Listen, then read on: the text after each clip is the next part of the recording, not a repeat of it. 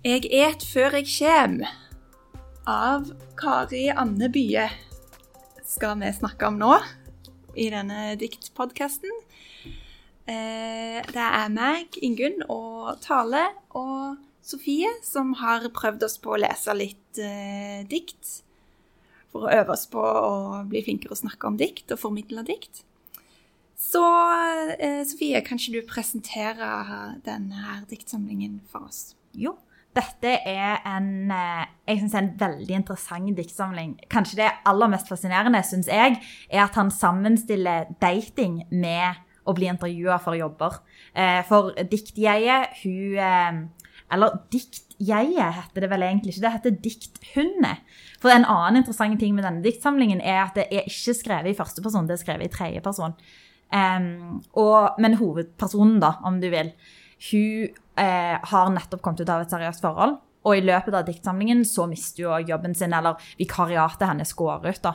Sånn at hun sammenstiller det med å på en måte gå på Tinder og sjekke Tinder og prøve å finne seg en date, med å være jobbsøker, gå på Finn, prøve å finne annonser og, og sende søknader. da. Det syns jeg er veldig interessant. Um, det er en ganske i forhold til mange av de andre diktle, eh, diktsamlingene som vi har lest eh, for denne podkasten, så er han vel egentlig ganske lang. Han er eh, ca. 200 sider. Um, og det er forskjellige format på diktene. Noen av de er korte, noen av de er, er lengre. Um, og den er skrevet på en litt sånn du kan le gjerne lese den nesten som en roman òg, for det, han er veldig kronologisk, og det er en tydelig historie som skjer her, da. Mm. Um, og så er han vel ganske humoristisk. Veldig humoristisk, ja. det kan man si. Jeg lo flere ganger når jeg leste den. Og litt sånn Det er ofte Humoren er ofte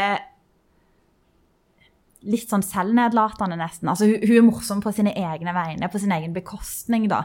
Eh, og av og til er humoren òg litt patetisk. Hun sammenstiller liksom eh, Eller hun viser seg sjøl i situasjoner som på en måte virker litt patetiske. Eller sånn at hun, hun fremstår som litt At det er litt synd på henne, da. Eh, egentlig. Mm. Ja, eh, et eksempel på det er et dikt der hun sier at eh, hun bestemte seg for å være klok av skade. Det var tross alt mye bedre enn å være, være bare skada. Ja, sant.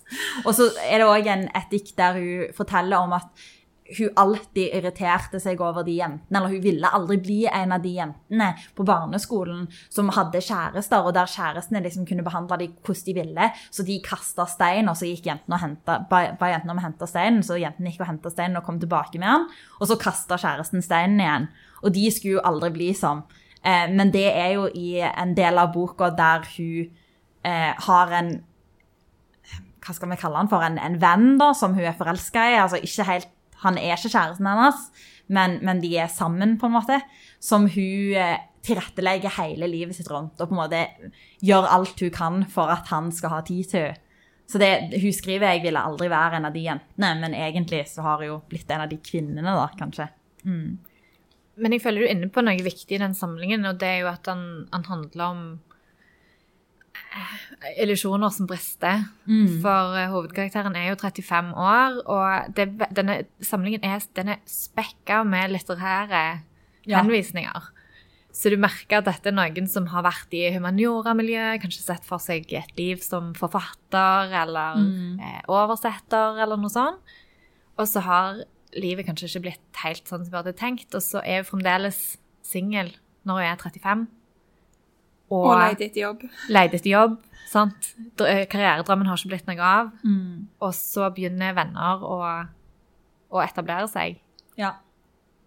Og særlig det med når venner Og det er jo flere av vennene hennes som sikkert har vært etablert allerede, men det er særlig én kamerat da, som hun på en måte jeg tror at det er han som setter opp Tinder for henne i utgangspunktet, og de snakker veldig mye om singellivet. Og så plutselig er han etablert, og da er, da er hun liksom helt alene, da. Um, ja, så det er jo litt sårt, selv om det er humoristisk. Ja, absolutt. Det er en sånn uh, Ja, det er litt synd på henne, og jeg tror uh, Jeg kan le av det, men kanskje Jeg vet ikke om man hadde ledd like mye hvis man var i samme situasjon som hun. Jeg lurer på hvordan andre ja. lesere uh, tar imot denne diktsamlingen. i forhold til hva slags livssituasjon de har sjøl. Mm. Ja, for vi har jo omtalt dette som Tinder-diktsamlingen. Det har vi. Og det vet ingen av oss som har erfaring med Tinder. Nei. Nei, og jeg tror vi kan være glad for det. Det virker i alle fall sånn, ja. Altså, eh, Tittelen 'Jeg et før jeg kjem', det er jo fordi at eh, hun har en Tinder-date, eller en som begynte som en Tinder-date, men hun har data han litt mer, da. Som, eh, som skal komme til henne, så spør hun om han skal ha middag, og så svarer han 'jeg et før jeg kommer. men når han kommer hjem, vil han ha restene. så, eh, så det virker jo ganske hardt, da. Men og det er jo, vanskelig. ja, men det er jo, det er jo altså, viktig å poengtere at du trenger ikke å ha erfaring med Tinder for å kjenne deg igjen i de situasjonene hun beskriver. Det er jo klassisk ulykkelig kjærlighet å prøve å finne noen å, å dele ja, livet med. Men det er jo litt sånn eh, eh, si Parodiering på disse her profilene de har òg, da. Med liksom bilder av seg sjøl med sjølfiska fisk, og så skal du bla gjennom en katalog med sånne bilder, og du vet egentlig ikke hvem disse folka er, ut ifra den der lille profilen de har. Og så Det er mye sånn humor, humor med det, med, og hvordan denne her dialogen fram og tilbake, og spillet med å treffes og ikke treffes, og eh. Og utsettinga av å treffes. Han sa vi skulle treffes på mandag, og så ble det tirsdag og onsdag, og to- altså til slutt var det søndag, og så hadde de fortsatt ikke troftes.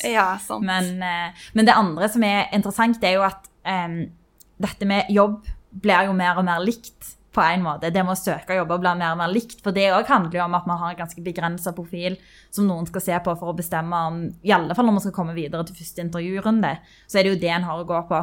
Og det blir jo vanligere nå òg å inkludere et bilde av seg sjøl på CV-en, akkurat sånn som man gjør på Tinder-profilen. Og de, dette er jo noe som hun sammenstiller hele tiden.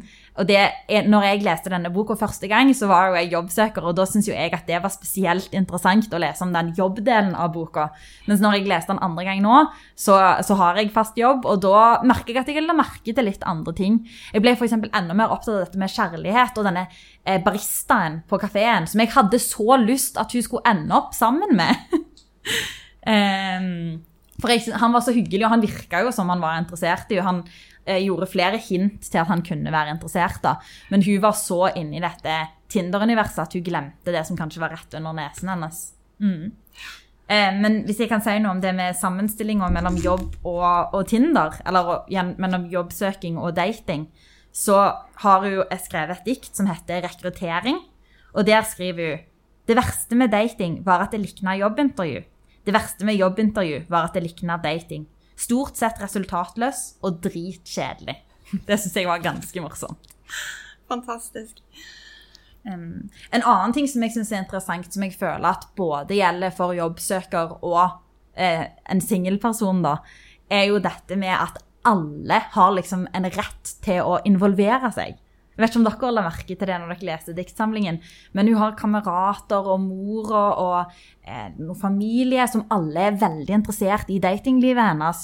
Hun blir, eh, Kollegaene på jobb er jo stort sett i forhold, så hun blir i eh, lunsjpausen så blir hun et show, liksom. Hun blir underholdningen som må Ja. fortelle om alle disse datene hun har vært på. Hun sammenligner det med ha, sånn ha med-dag i barnehagen. Ja. Underholdningen. Se hva Se hva dater jeg har vært på nå, liksom. Og dette er jo selvfølgelig før vikariatet hennes går ut. Men det er jo òg noe som er ganske vanlig, at, hvis man er, at når du er jobbsøker, så er det jo ofte det eh, samtaler når du møter folk du ikke har sett på en stund, så er det det det handler om. Ja, hvordan går det? Har du, har du fått noe napp? Sant? Men det føler òg folk at de kan spørre om når det er single. Ja, til og med hvis eh, det ikke er en, en person som er singel, som kanskje ikke er på jakt, så er det allikevel veldig vanlig å spørre ja, hvordan går det med kjærlighetslivet da? At alle har liksom rett til å involvere seg i det. Mm. Og i hennes tilfelle er det jo mye mer direkte, for det er jo noen andre som lager Tinder-profilen hennes. Det er noen andre som eh, sveiper, sånn at hun får en av, de, en av datene hun går på. og Det er liksom Ja, det er Alle har lov å være med. sett henne i sving, men så blir hun Ja. veldig oppslukt i det etter hvert òg. Ja. Det er veldig, jeg synes det, det er Noe av det som jeg likte veldig godt med denne diktsamlingen, er nok det at den, det minner veldig om en roman i Ja. diktform. At du, du kan jo du lever deg liksom inn i hennes tilværelse, og så er det samtidig veldig sånn eh, smarte setninger. Altså, det er Mhm. satt opp så fint at du blir sånn Og du får lyst til å lese det opp til vennene dine. Bare sånn sende Å, hør på dette morsomme her, liksom. Så Absolutt. den er lett å formidle, tror jeg. Det tror jeg òg. Du får på en måte diktfølelsen og romanfølelsen samtidig. Mm. Um, og det er derfor jeg, for eksempel, jeg blir så engasjert i at jeg vil at hun skal ende opp med den baristaen. Det er jo ikke Ja. ofte man har at man leser en diktsamling og sitter igjen med en sånn der åh, please, Nei, la dette, sant? Jeg har jo nesten lyst på en bok to, om du vil, sånn hva skjer etterpå? Ja. Uh, ja. Ja, hvis, hvis man skal eh, sammenligne den med noen av de andre vi har lest, så, så vil jeg si at den til Ida Lorien Ringdal uh, og eh, 'Hvorfor er jeg så trist når jeg er så søt?' av Ingvild Lote er de som ligner mest. Selv om de tar for seg litt andre eh, livssituasjoner, så er de på en måte samme At det er sånn slående, men òg at du følger en tydelig karakter som du blir engasjert i. Mm, og det ene kapittelet i denne boka er jo veldig sånn tydelig um, Hun er stupforelska i noen som sier at de ikke er interessert i et forhold, men som kort tid etterpå er sammen med noen andre, og i et seriøst forhold med noen andre. Og det ligner jo litt på, på tematikken i de to eh, novell- nei, diktsamlingene som du nevner der. Ja. At det er jo en del, særlig den ene delen av denne boka handler jo om ugjengjeldt kjærlighet, men det er på en måte ikke det eneste temaet. Um, selv om det går litt igjen, da. Mm. Det er sant. Så ja. Er det noen andre som ønsker seg en toer? Har lyst til å vite hva som skjer? Jeg tror hun kommer ut med en ny diktbok, men jeg vet ikke om han har noen sammenheng med denne, da. Så det Nei. må vi sjekke ut. Ja, det blir spennende. Det får bli neste lesning. Ja, det må det bli. Mm. Da har jeg noe å glede meg til, i alle fall.